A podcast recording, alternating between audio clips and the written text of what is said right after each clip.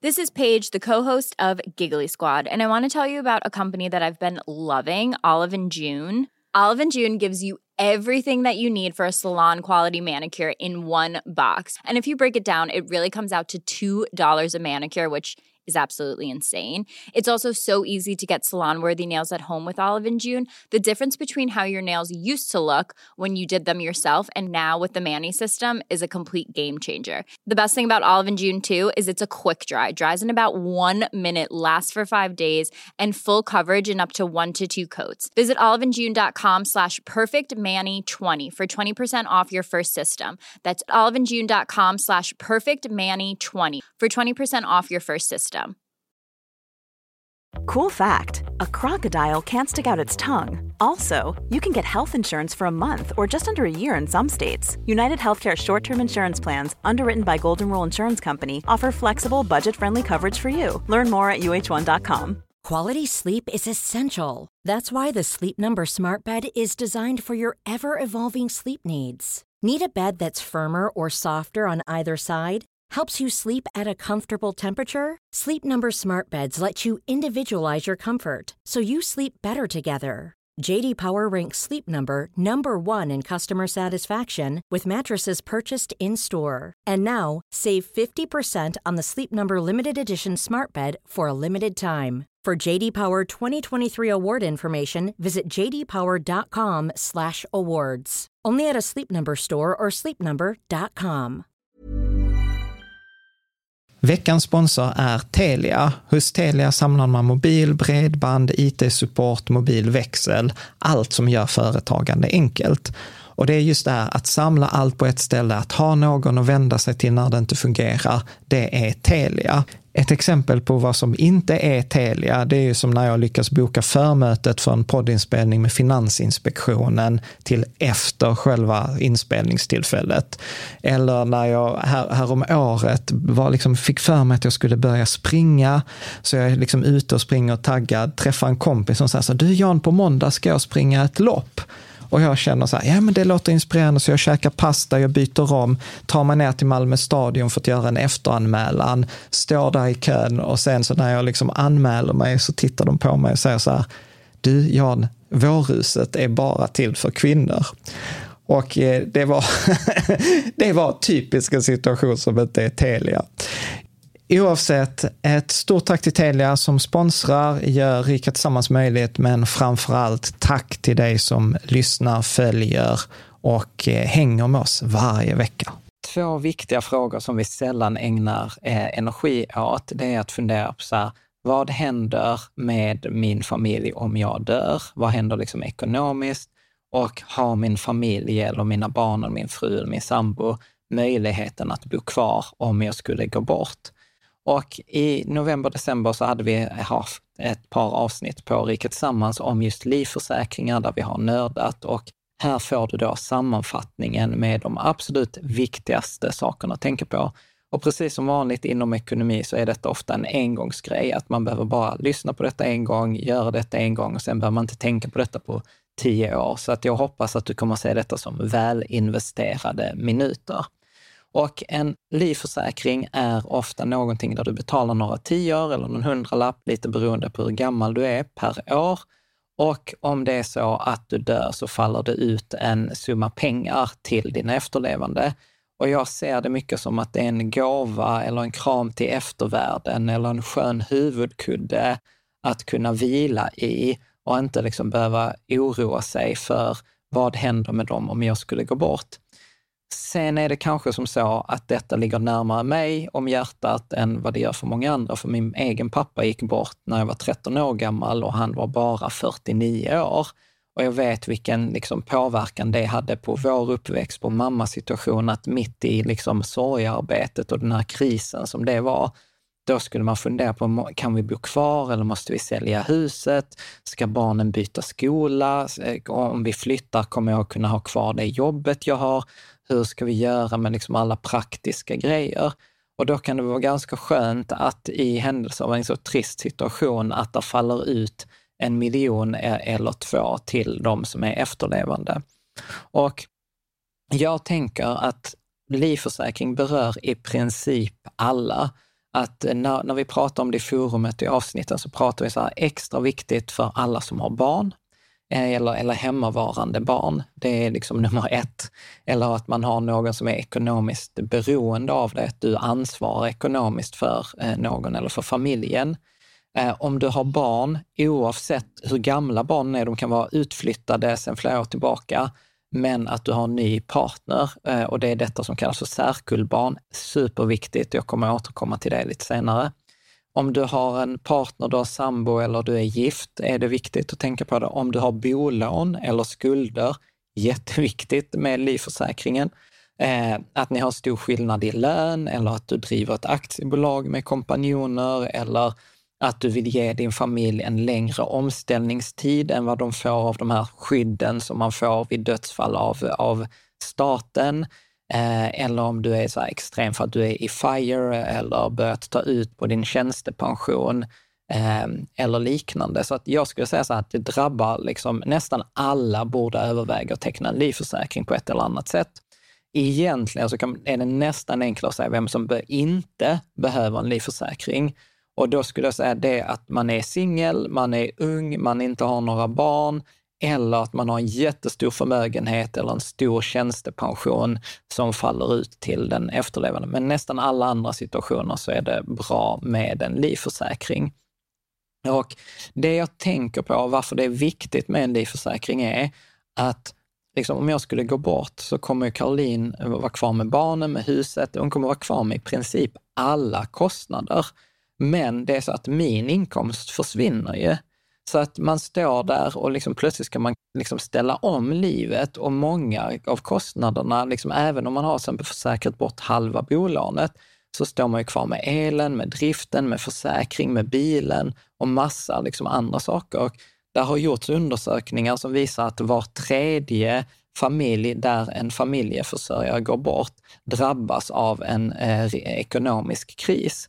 Så man kan se att en livförsäkring förstärker det här skyddet som kommer från samhället i form av olika typer av pension och att en livförsäkring är viktig för att det blir något man inte behöver oroa sig för att kunna bo kvar. Man behöver inte oroa sig som min mamma om barnen behöver byta skola eller att vardagen liksom försämras. Så man kan se det som att det är en skön huvudkudde som man ger till i alla fall den ekonomiskt svagare parten i ett förhållande en bättre nattsömn. För att den här miljonen som faller ut om någon går bort kan göra faktiskt en ganska stor skillnad. Inte minst genom att man eh, kan slippa tänka på, på ekonomin. Och då kan det vara bra att veta, så här, vad är det som händer rent ekonomiskt om man dör? Jo, men då har vi olika former av liksom pensionsförsäkring som faller ut och det som finns är så här, omställningspension. Som jag dör så kommer en del av min pension betalas ut till Caroline och detta liksom sköts av Pensionsmyndigheten och man får läsa på exakt vad som gäller i en situation. Men snittet i sån här omställningspension som betalas ut är ungefär 8 500 kronor innan skatt och det läggs på den efterlevandes lön.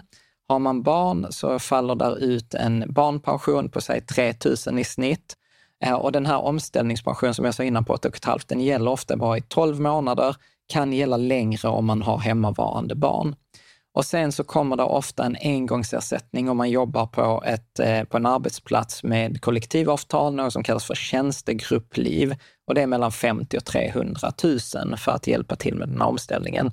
Och sen är liksom basen som det förväntas, det är ju att den upparbetade tjänstepensionen, det är den man lever på. Så att min tjänstepension som jag har sparat ihop, den kommer betalas ut ovanpå Karolins lön då under fem år eller tio år eller vad det nu än må, må vara. Så att det är viktigt att man kollar upp så här, exakt hur ser det ut i, i mitt fall och också tänka på att tjänstepensionen, det är inte om du har en miljon i tjänstepension att din partner kommer få ut en miljon för att det är en latent skatteskuld, för det är pengar innan skatt. Och det kan ju göra att det blir en ganska hög beskattning om din partner redan har en bra lön. Så att jag påstår ju så här, livförsäkring är en sån här, i och med att det kostar bara några, några tio, några hundralappar, så är det inte där jag tycker man ska spara, spara in. Så avslutningsvis, hur ska man tänka kring livförsäkring? Jag tänker så här, ett, många har så här halva bolånet, jag vet inte, men i forumet så har jag argumenterat för att jag tycker att eftersom det är relativt lite pengar eh, att köpa den här livförsäkringen så tycker jag att man ska ta hela bolånet. Eh, varför bara ta ens egen, eh, ens egen del, särskilt eftersom all driften och allt det där kommer att vara kvar. Så ofta ett sätt att resonera på en del av bolånet eller hela. Jag röstar på hela. Sen kan man utöver det fundera på att jag vill ge ett antal månaders omställning. Så säg att min lön efter skatt är 25 000 kronor i månaden. Så kan jag fundera så här, men jag vill att Caroline har fem års omställning, så att det är som att min lön kommer in i fem år. Och då kan jag försäkra då 25 000 i månaden gånger 60 månader, fem år, det är 1,5 miljoner. Så utöver då att jag tar hand om hela huslånet så ger jag ett antal månaders eh, då omställning. Det andra som jag sa, det var i specialfallet om man har barn från tidiga förhållanden, då måste man försäkra hela deras, vad de har rätt att få ut i arv. För säg så här, säg att ni äger ett hus för snitthus i Sverige värt 3 miljoner. Vi äger det liksom 50-50. Då äger jag en och en halv eh, miljon av den där. Och så säger vi att jag har ett barn med Caroline och ett sen tidigare förhållande. Så när jag dör så 750 000 för det gemensamma barnet med Caroline går mer eller mindre till Caroline. Det går egentligen till barnet, men Caroline har fri förfoganderätt. Så inga problem. Men de andra 750 000 ska ju gå till det barnet direkt. Det särkullbarnet har rätt att få ut sin del av arvet direkt.